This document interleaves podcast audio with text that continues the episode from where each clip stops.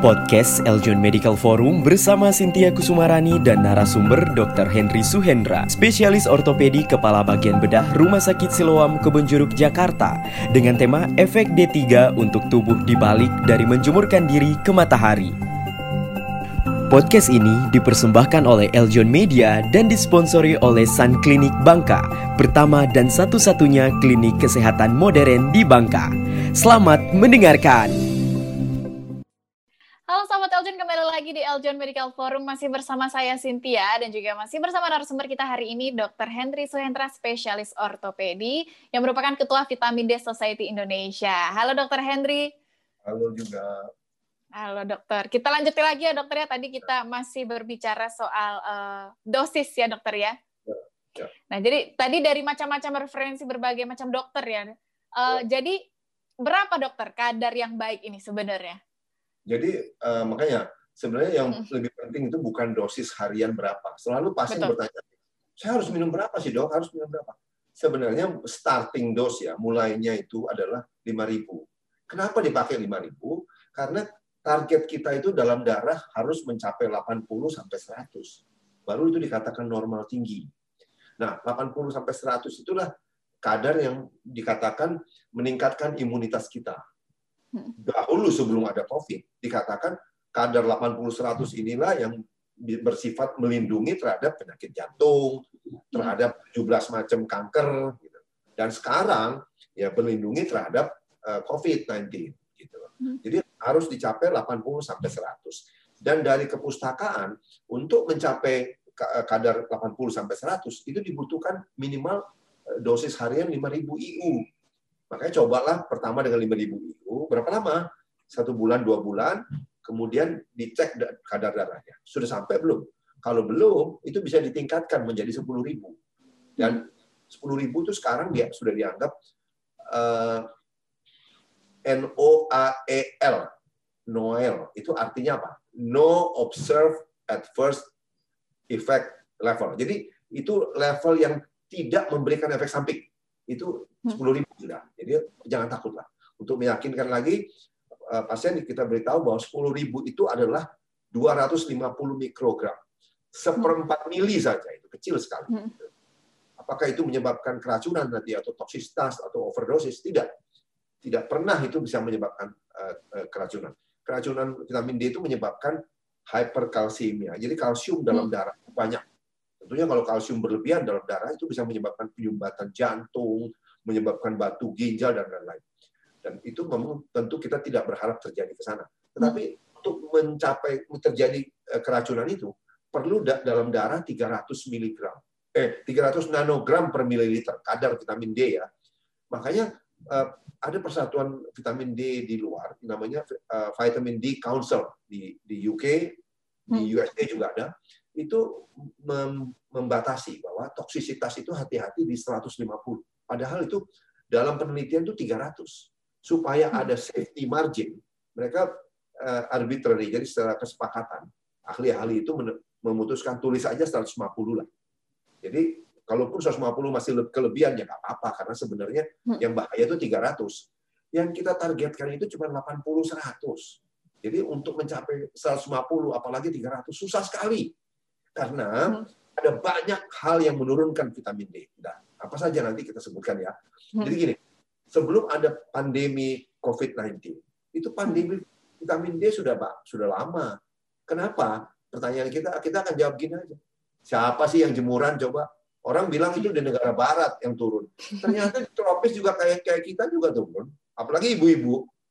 Know, nona-nona yang cantik-cantik ini. Mana mau udah jemur-jemur? Enggak, enggak ada kan? Jadi tetap aja. Kemudian kita melihat ke daerah Timur Tengah katakan. Orang yang berhijab, wanita yang berhijab itu. Itu kan malah ketutup semua. Malah vitamin D-nya turun. Jadi walaupun di tengah yang panas begitu mataharinya, jadi nggak dipakai mataharinya, pakaiin baju semua ketutup ya nggak bisa. Jadi eh, banyak faktor yang menurunkan. Obat-obatan juga banyak yang menurunkan. Saya sebutkan sekarang atau nanti sek- sektor eh segmen terakhir. Oke, dan nanti deh kayaknya dokter ya, Itu biar benar-benar, penasaran ya, eh, biar penasaran. apa Biar saja yang menurunkan kadar. Biar, biar, biar lebih nafsu dia. Oke, uh, berarti dokter uh, kadar ini ada kaitannya nggak sih dokter dengan umur? Misalnya yang umur saya berbeda uh, kadar yang baiknya dengan umur yang di atas 40 misalnya? Tidak, sama. Sama. Sama aja? Sama. Ya, hmm. sama. Cuman yang yang okay. berbeda mungkin pada bayi-bayi uh, berumur satu uh, tahun sampai tiga tahun, ya, target kita nggak terlalu tinggi, sampai 60 aja. Hmm. Kalau di atas itu sudah okay. sama. Berarti kalau misalnya untuk mengecek uh, apakah kita sudah memiliki vitamin D yang baik itu uh, balik lagi ke tadi ya dokter ya mengecek darah tadi ya. Darah, darah itu sebut aja kalau ke laboratorium bilang mau periksa hmm. darah vitamin D. Kalau mereka nggak ngerti itu uh, tulisannya 25 OH vitamin D. Jadi kayak gini tulisannya. Saya saya tulisin ya. Hmm. Saya tulisin supaya ya dilihat nanti agak besar. Orang kan bertanya, itu periksa darahnya apa? Nah, ini hmm. tulisannya, hmm. ini tulisannya gini. Nah, mesti tulis besar ya supaya kelihatan. Betul, boleh dokter. Nah, jadi mintanya ini, ini hmm. namanya untuk, tapi sebenarnya dia namanya vitamin D. Kalau laboratorium agak agak agak pintar udah tahu lah. Tapi kalau belum pintar ya kasih dia ini. Jadi tulisan rumus kimianya tuh ini. Bisa lihat nggak? 25 OH, OH vitamin D. Nah, itu minta. Mm -hmm. Karena di di apa kertas laboratorium itu ada tinggal di klik eh, cek eh, dicek aja gitu dicontreng aja mm-hmm. lima hidroksi vitamin D. Mm-hmm. Tapi eh, banyak nggak ya dokter orang yang menyadari untuk memeriksa kadar vitamin D di dalam tubuh? Nah, iya, sekarang ini mulai lumayan karena mm. dokter pun juga mulai lumayan mulai tahu. Sebenarnya vitamin D itu di Indonesia saya pelopornya. Karena seperti uh, itu saya video saya di YouTube itu tahun 92 saya ada penelitian di Surabaya mengenai kadar vitamin D. Waktu itu tidak ada orang yang tahu. Sehingga pada saat saya pindah ke Jakarta tahun 92, saya mau memeriksakan vitamin D saya sendiri dan beberapa pasien itu rumah sakit tidak ada yang bisa periksa. Laboratorium yang terbesar pun saya nggak mau sebut namanya mm-hmm. karena ini iklanin dia dong ya. Ada laboratorium terbesar lah. Itu sampai telepon saya menanyakan ini pemeriksaan apa karena kita tidak punya satnya, reagensnya. Sehingga saat itu tahun 92 ya, dikatakan demikian.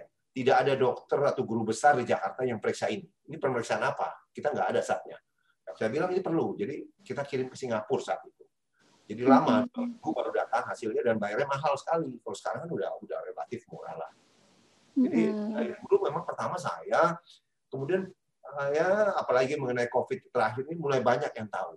Karena itu besar sekali pengaruhnya. Kayak contoh ya, vitamin D yang tidak disadari adalah kalau vitamin D kita rendah pada bayi-bayi itu, itu alergi semua anaknya. Itu yang terjadi pada uh, cucu saya. Ya, dia minta okay. maaf kalau kita ke dokter anak, ya nanti barangkali dikasih obat anti alergi, obat anti alergi, tapi berulang-ulang.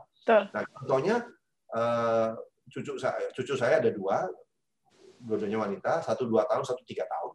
Setelah saya kasih vitamin D satu tahun terakhir, itu sudah enam bulan tidak pernah dia batuk pilek, tidak pernah. Enam bulan tidak pernah loh batuk pilek. Sebelum diberikan vitamin D, oh sampai Karena anak itu kan kalau kita lihat praktek dokter anak kan anak-anak hmm. batuk pilek, pilek bolak-balik ini enggak, karena kita berikan daya tahan tinggi. Makanya sekarang vitamin D juga perlu sekali pada wanita hamil. Jadi pada saat wanita hamil itu vitamin D-nya harus bagus. Kalau tidak janinnya payah. Janinnya muncul dengan apa gangguan alergi sampai autis itu dikatakan teorinya karena vitamin D yang rendah. Oke, jadi memang penting sekali ya dokter ya vitamin D tadi. Belum nikah lagi, nah kalau sudah sudah nikah, cek darahnya. Apalagi waktu mau hamil, ujung mesti cek. Nah dalam hmm. keadaan itu juga vitamin D yang rendah pada wanita itu menyebabkan eh, infertilitas kan. Susah punya anak. Oke. Okay. Mm -mm bisa punya anak, coba cek vitamin D-nya. Banyak juga berarti ya dokter ya eh, faktor-faktor uh, akibat dari ketika kita kekurangan vitamin D ini. Oh jelas. Sekarang contoh hmm. itu pada wanita ya, karena hmm. telur saya tidak tidak tidak bagus. Pada prianya spermanya kurang bagus kualitasnya. Bagaimana bisa dapat anak? Makanya hmm. kalau itu sekarang ya kan kalau mau nikah itu kan periksa ada tuh pemeriksaan pranikah. Betul. Itu yang vitamin D dimasukkan cek vitamin D-nya. Karena tujuan nikah kan salah satu punya keturunan. Mm-mm, betul. Bahkan ada kaitannya dengan uh, itu ya fertilisasi tadi ya dokter ya vitamin D ini. Mungkin orang-orang banyak nggak tahu nih dokter ya. Banyak nggak tahu. Ada beberapa Ah. dokter, teman Mm-mm. saya sudah, sudah tahu. Karena Mm-mm. hamil juga itu apa pasien yang ibu hamil dikasih vitamin D. Banyak kan ibu hamil itu perlu vitamin D banyak karena itu dua orang kan dua dua Betul. ada penumpangnya di dalam ini. Mm-mm. Mm-mm. Oke, baik. Nah, dokter kalau misalnya eh, kan ada penyakit lupus ya dokter ya yang memang tidak bisa terkena sinar matahari dokter. Ya. Berarti itu eh, satu-satunya sumber yang bisa digunakan adalah suplemen ya dokter ya? Suplemen. Mm-mm. Jadi lupus itu salah satu penyakit autoimun. Autoimun itu Hmm. obat vitamin D-nya tinggiin, Mbak. Mm-mm. Penyakit autoimun itu sebenarnya tidak ada obatnya kan selama ini. Dan Betul. kalau kita lihat apa uh, Prof uh, ada ada ada ini ada satu profesor uh, Manuel Pinto Coelho dari Portugal. Ya. Dia bilang begini kata-katanya yang sangat uh, sangat penting itu disebutkan. Dia, dia tulis gini, many drugs that are taken try to imitate the function of high dose vitamin D. Terjemahannya gini, banyak obat-obat yang kita minum ya, itu sebenarnya mau meniru kerja vitamin D dosis tinggi. Jadi pakai obat, padahal dengan vitamin D masalahnya bisa selesai. Contoh, kalau kita vitamin D kita tinggi, kita tidak tekanan darah kita tidak naik. Itu gula darah kita tidak naik. Itu. Jadi kalau kalau kita tidak peduli dengan vitamin D yang merupakan satu pencegahan, pelan-pelan vitamin D eh, apa pelan-pelan tekanan darah naik misalnya. Nanti kalau ke dokter dikasih obat lah Hmm. untuk mengurangi tekanan darah kan. Padahal itu bisa dijaga tetap baik. Ya tentu ada faktor lain tidak hanya vitamin D kan. Anda Hmm. olahraga dan sebagainya itu bisa dijaga tensinya nggak naik. Jadi vitamin D itu sangat membantu. Makanya tadi dibilang kalau kadarnya 80 sampai 100 itu melindungi Anda terhadap kelainan jantung dan kanker. Oke, baik. Oke, terima kasih Dokter Hendrik. Kita lanjut lagi nanti di segmen yang terakhir ya dokter ya. Masih ada segmen yang terakhir. Untuk sahabat Eljon ada di rumah, jangan ke mana-mana karena saya dan juga Dokter Hendri akan kembali lagi di segmen yang terakhir tetap di Eljon Medical Forum.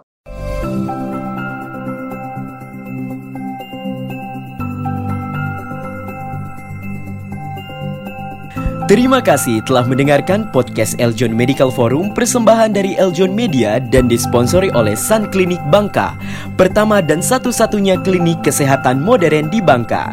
Jangan lupa follow podcast Eljon Medical Forum di Spotify ya.